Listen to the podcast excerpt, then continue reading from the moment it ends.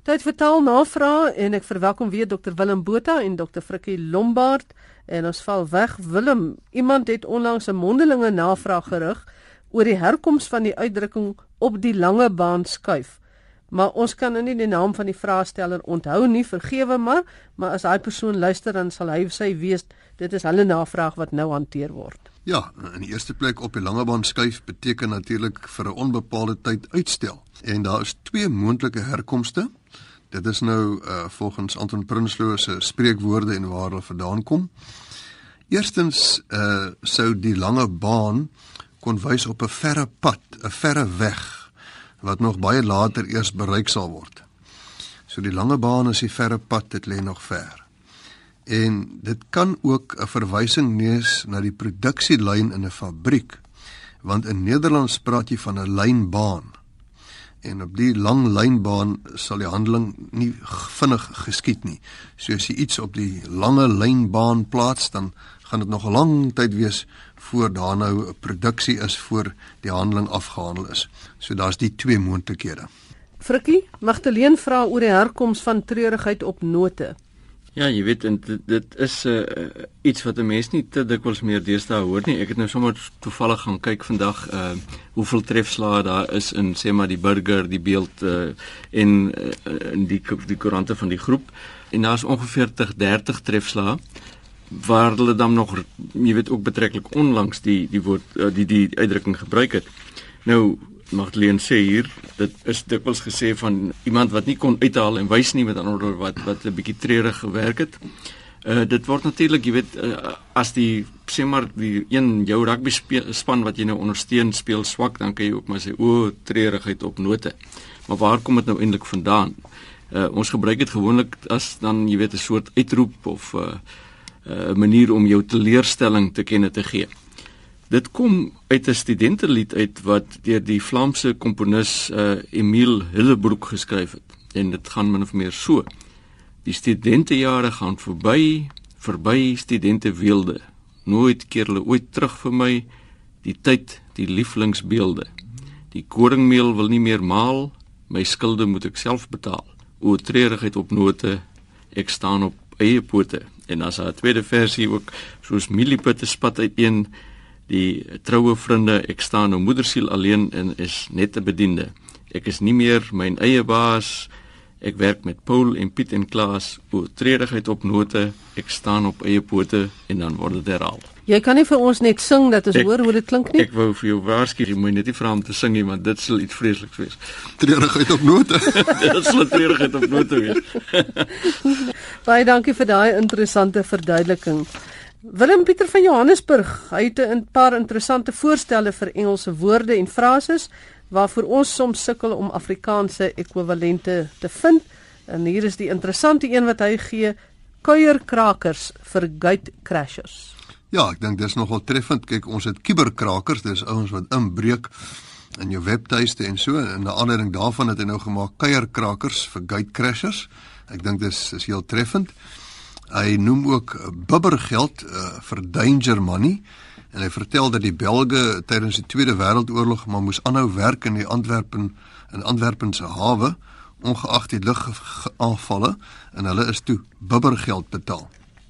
Dit is wat dit in, in in Vlaams genoem is. En dan het hy 'n paar baie interessante woorde vir die Engelse quintessence het hy wesensaard vir due diligence stel hy voor gepaste ywer dit hy nou Dis nogal 'n mooi vertaling. Wetsgehoorsaamheid deur byvoorbeeld maatskappye. Uh vir due compliance stel hy voor stipte nakoming. Uh byvoorbeeld behoorlike implementering ten opsigte van kontraksverpligtinge. En dan vir die oorwerkte werkwoordjie commit in Afrikaans en dan veral in in geestelike en godsdienstige sin oorgee of verbind jy moet jou oorgee aan Here of jy moet oorgee, jy moet commit. Hy sê dit dit irriteer hom geweldig as aan die kerk gepraat word van commit. En dan het hy nog 'n voorstel vir mense wat hulle tale vreeslik vermeng. Die taal noem hy brabbel mix. Hy sê dis nou vir Afrikaanssprekendes wat hulle beste Afrikaans en hulle beste Engels gelyktydig praat. En dan nou praat van awesome, actually fabulous, amazing, stunning en commit. En uh, hy sê vir daai taal skep hy graag die woord Brabbel mix. Frikkie, Flip Koetser wil hê ons moet praat van energiestasie eerder as 'n kragstasie. Ja, meneer Koetser is uh, is ernstig daaroor dat uh, hy gehelp moet word om die woord krag tot sy reg te laat kom deur die Afrikaanse radio, die geskrewe media. Hy sê hy voer al 30 jaar eintlik die die stryd en hy wil eintlik hê dat die woord krag korrek gebruik word. Ons moet praat van energie of elektrisiteit, nie krag nie. Miskien oorweeg om te praat van 'n energiestasie en nie 'n kragstasie nie, want sê hy, krag is gelyk aan force, energie is gelyk aan power. Nou uh meneer Koetser, ja, krag kan helaas ook met ander dinge vertaal word behalwe nou force. Dit kan ook wees strength, vigor, brawn, selfs power, electrical power, electricity, energy, muscle, efficacy, efficiency, selfs validity. Dis daar's nie net een vertaling moontlik by al die goeters nie. En dan moet 'n mens ook onthou waar kom die krag nou eintlik vandaan? Hoekom praat ons nou van van elektrisiteit as as krag en die die krag wat afslaan en jy weet die krag wat afgaan en die soort van dinge.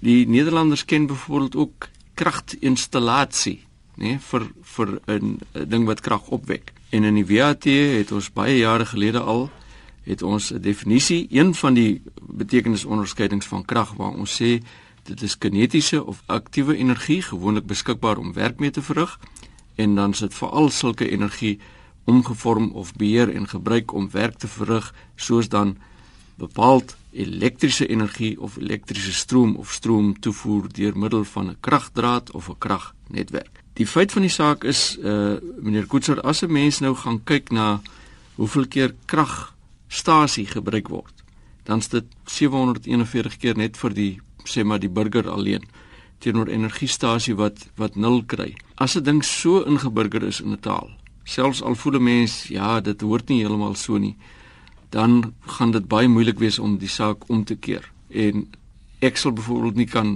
beklei daarteen nie, want ek ek as woordeboekmens weet ek net as 'n ding so ingeburger is, dan is die stryd verlore om daarteen te beklei. Hierdie laat dink my nou aan die woord vuurtoring en lighthouse. Mm. En ek is nogal 'n sterk voor, voorstander daarvan dat ons praat van ligtoring, nou net nie lighuis nie. Ja. Want as jy kyk vuurtoring wat kom van die vroeë dae as ek dit reg het waar daar letterlik 'n vuur in hierdie torings Ja, gemaak dit is is. inderdaad die geval. Nou Ja. dit is nou al verouderd en Mm. en ek sou sê en ek dat 'n mens vandag maar kan praat van 'n ligtoring. Wat sê julle? Nee, Magdalene, jy kan nie geskiedenis net so weggooi nie. Dis tog 'n pragtige stukkie geskiedenis.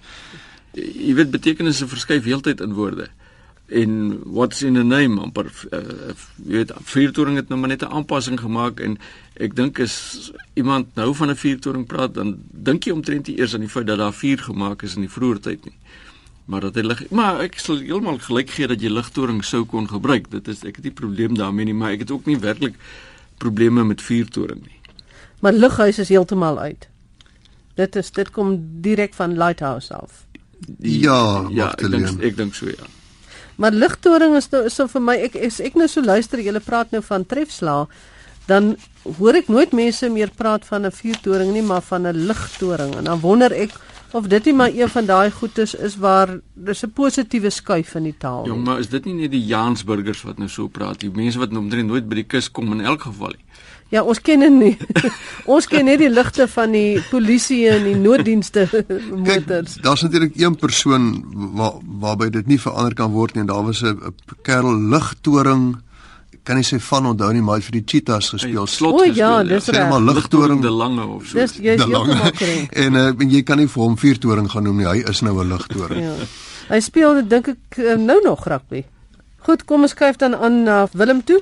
John Mulder vra of ons 'n verklaring kan gee van die oorsprong van roer. En dis nou nie eie roer nie, dis in die sin van 'n geweer. Ja, met die meervoud roers en ons kry dit uit Nederlands. Nou die oorspronklike betekenis van roer in Nederlands was riet, rietpyp of net 'n pyp.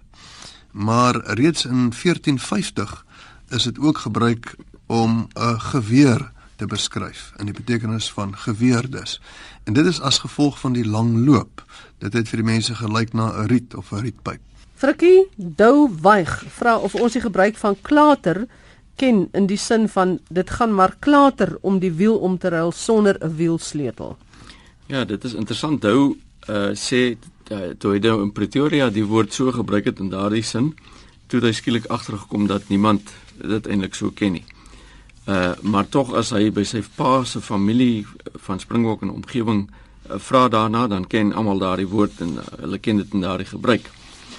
Uh en hy vra nou is dit 'n woord wat slegs in daardie Namakwaland Springbok omgewing gebruik word? Ken ons die woord en, en wat beteken dit dan nou eintlik presies?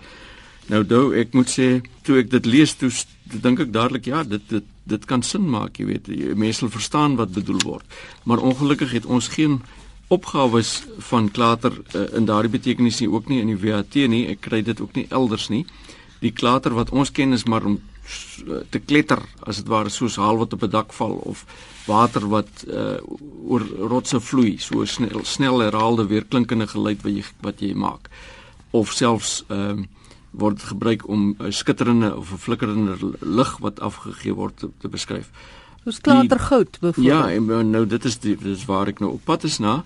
Uh wat interessant is is dat jy klatergoud kry en klatergeluk en klatervreugde nou. Klatergoud is is 'n vals soort bladgoud en klatergeluk is eintlik 'n onegte geluk, 'n skyngeluk en klatervreugde. Nou dit hou nou nie verband met wat jy uh, aan klater toedig hier nie en dit klink vir my heeltemal oulik daarin.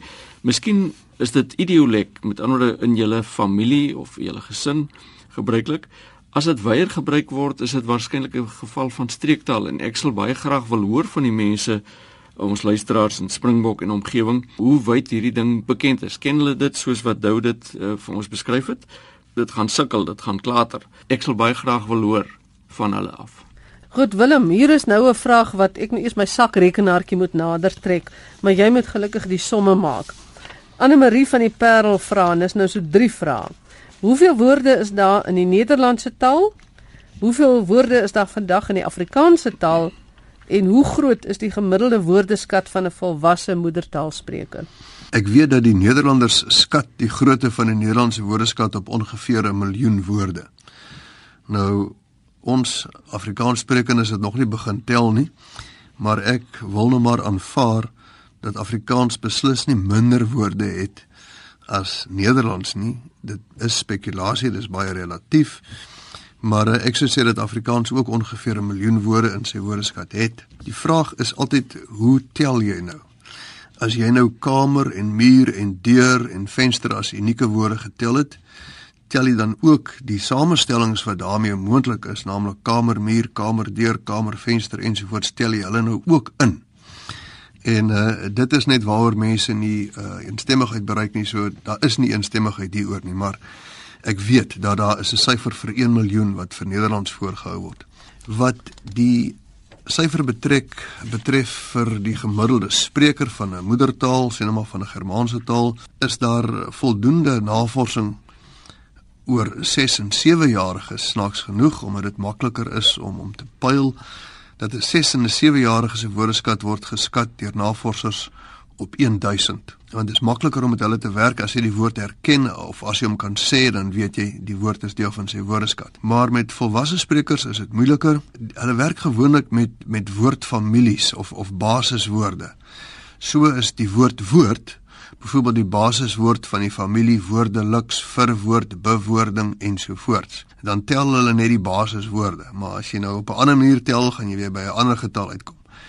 Maar om 'n lang storie kort te maak ek het ook maar gaan rond kyk op die internet en lyk my daar so 'n gemiddelde skatting vir 20 30000 woorde vir 'n volwasse spreker Ja, ek kan verstaan dat 'n volwasse spreker se woordeskat groter is want jy weet, as 'n mens nou groot word, dan kry jy jou woordeskat allerlei ander ongewenste woorde ook by wat 'n kind nou nog nie ken nie. ja, inderdaad. En uh, praat van 'n kind, die volgende vraag Frikkie gaan juis oor iemand wat sê sy dogtertjie praat altyd van papperye eerder as batterye. Hy dink is nogal oulik want die goed is altyd pap. Hy wil weet hoekom praat ons van die batterye wat pap is? Ja, dit is 'n heel interessante uh, vraag van Herklaas want uh, jy weet die batterye uh, in Nederlands raak die batterye nie papie hulle raak leeg en hulle praat ook van 'n leege akku uh, jy weet 'n uh, leë battery. In ons geval het die woordjie pap natuurlik geweldig baie uh, betekenisonderskeidings wat by mekaar aansluit op 'n semantiese vlak en ons praat nou van een woord wat verskillende betekenisse het of dan nou verskillende betekenisonderskeidings praat ons van as 'n polisemiese woord en dit beteken maar net meer as een betekenis en die eerste betekenis wat 'n mens amper aan pap heg wanneer hy as 'n byvoeglike naamwoord gebruik word en sonder konteks sal wees baie sag of amper vloeibaar waarvan die tekstuur aan die van pap jy weet die ding wat jy eet herinner soos papgrond of papklei die sementmengsel is te pap ensovoorts. En dan kry jy nou allerlei betekenisse wat uit hierdie in voortvloei soos ten opsigte van voorwerpe kan dit wees met 'n gebrek aan styfheid of fermheid. Sy hoed dit so 'n pap uh, rand byvoorbeeld. As jy van voedsel praat wat pap is, dan is dit die tekstuur wat 'n gebrek het aan fermheid. Uh, die slaai is pap, die vleis was pap gekook. En dan kry jy goeders wat baie nou met mekaar skakel en dit is uh, jy kan sê 'n mens is pap, ek jy's fitloos, jy's in 'n toestand van fisieke uitputting of swakheid. daarmee saam kry jy sodanig dat die lading uitgeput is. Met ander woorde, uh, hierdie fitloosheid geld nou ook as dit ware hierdie battery, die energie ontbreek. En dit is hoe die dinge aan mekaar skakel. En daar's nog heel wat betekenisse van pap, lamsakkig met 'n gebrek aan standvastigheid, selfgelding. Dit is ook die leier was te pap om die moeilike makers op hulle plek te sit. Fitloos of sonder trefkrag kry jy. Die liedjies is bietjie pap. Die handel kan bietjie onaktief of traag wees, dan sê ons die handel is is pap. En natuurlik 'n pap baba, jy weet wat nou pasgebore is en wat nog nie spiertonus het nie ensovoorts. Hier is nou twee vrae van Hetty Du Plessis af. Nou ek dink Willem ons gaan vir jou die eerste een gee en Frikkie jy die ander een. Nou die een vir Willem is die goeie Afrikaanse woord vir die Engelse reminder. Wat sou dit wees? En dan die ander ene wat na jou kant toe gaan kom Frikkie is uh, die geselstaalvorm swat. Wat mm. lê daar agter? Maar kom ons begin Willem by jou en reminder. Ja, het jy sê sy moes 'n gedeelte vertaal en dit is dan 'n inligtingstuk of dan 'n vorm wat gekom het van die veearts wat jy moet invul en eh, 'n blokkie en jy moet nou sê ja of nee en die vraag is I would like to receive reminders and promotional packages via SMS. Nou sê sy self dit is 'n veearts wat eienaars wil herinner aan hulle troeteldiere se inspuitings byvoorbeeld. En vir my is dit nou voor die hand liggend as jy wil herinner aan iets dan is dit 'n herinnering wat hy vir jou stuur. Maar sy sê vir haar dat herinnering meer op iets wat jy onthou dit is so Annelie maar herinner het ook 'n ander betekenis wat beteken om iets wat jou help om te onthou wat jou hulp verleen om te onthou. So ek sou maar praat van 'n herinnering. Ek sou graag 'n herinnering wou ontvang, maar hulle toe sy na vriendinne het toe 'n paar mooi neologismes gemaak wat sy net graag aan ons wil voorhou. Daardie herinnering wat jy nou kry van die van die veearts af, 'n geheueverfrisser, 'n gedagteverfrisser, 'n herinneringsnota, 'n onthounota, 'n breinprikkel, 'n geheueprikkel, 'n geheuewenk, 'n onthouertjie, 'n nuusflits, 'n geheueflits, herinneringsboodskap ensovoorts. Maar die feit dat herinnering 'n paar keer voorkom in samestellings wat wat die vriendinne gevorm het, dui maar net vir my daarop dat die mees logiese een is 'n herinnering. Frikkie en jy in swat? Ons weet swat beteken eintlik studeer, dis so half uh, universiteitstaal dikwels, maar jy kan ook sê wat swat jy met ander watter kursus volg jy? Uh dit kom uit Engels uit wat 'n dialektiese variant is van sweat. Maar net so genoem omdat harde werk jou laat sweet. Goed en dan 'n hele laaste ene waarmee ons ons program afsluit. Dis meer 'n mededeling wat ons gekry het van TT Kloete van Potchefstroom en dit gaan oor die woord prosopagnosia.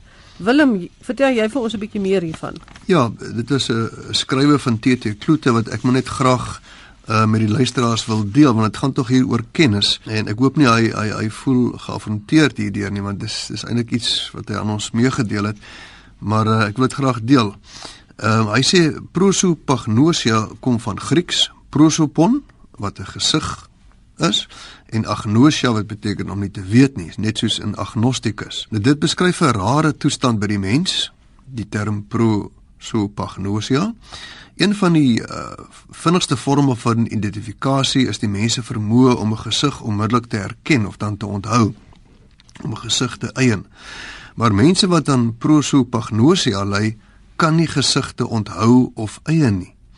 Nou hy sê hy het 'n dokumentêre film gesien waar die vrou in die straat geplaas word en dan kom haar man en haar kinders verby en sy herken hulle nie. In party gevalle herken hulle selfs nie hulle eie gesigte op fotos nie. Nou by sommige mense is dit 'n patologiese defek en by ander mense kom dit voor as gevolg van skok, trauma en so voort.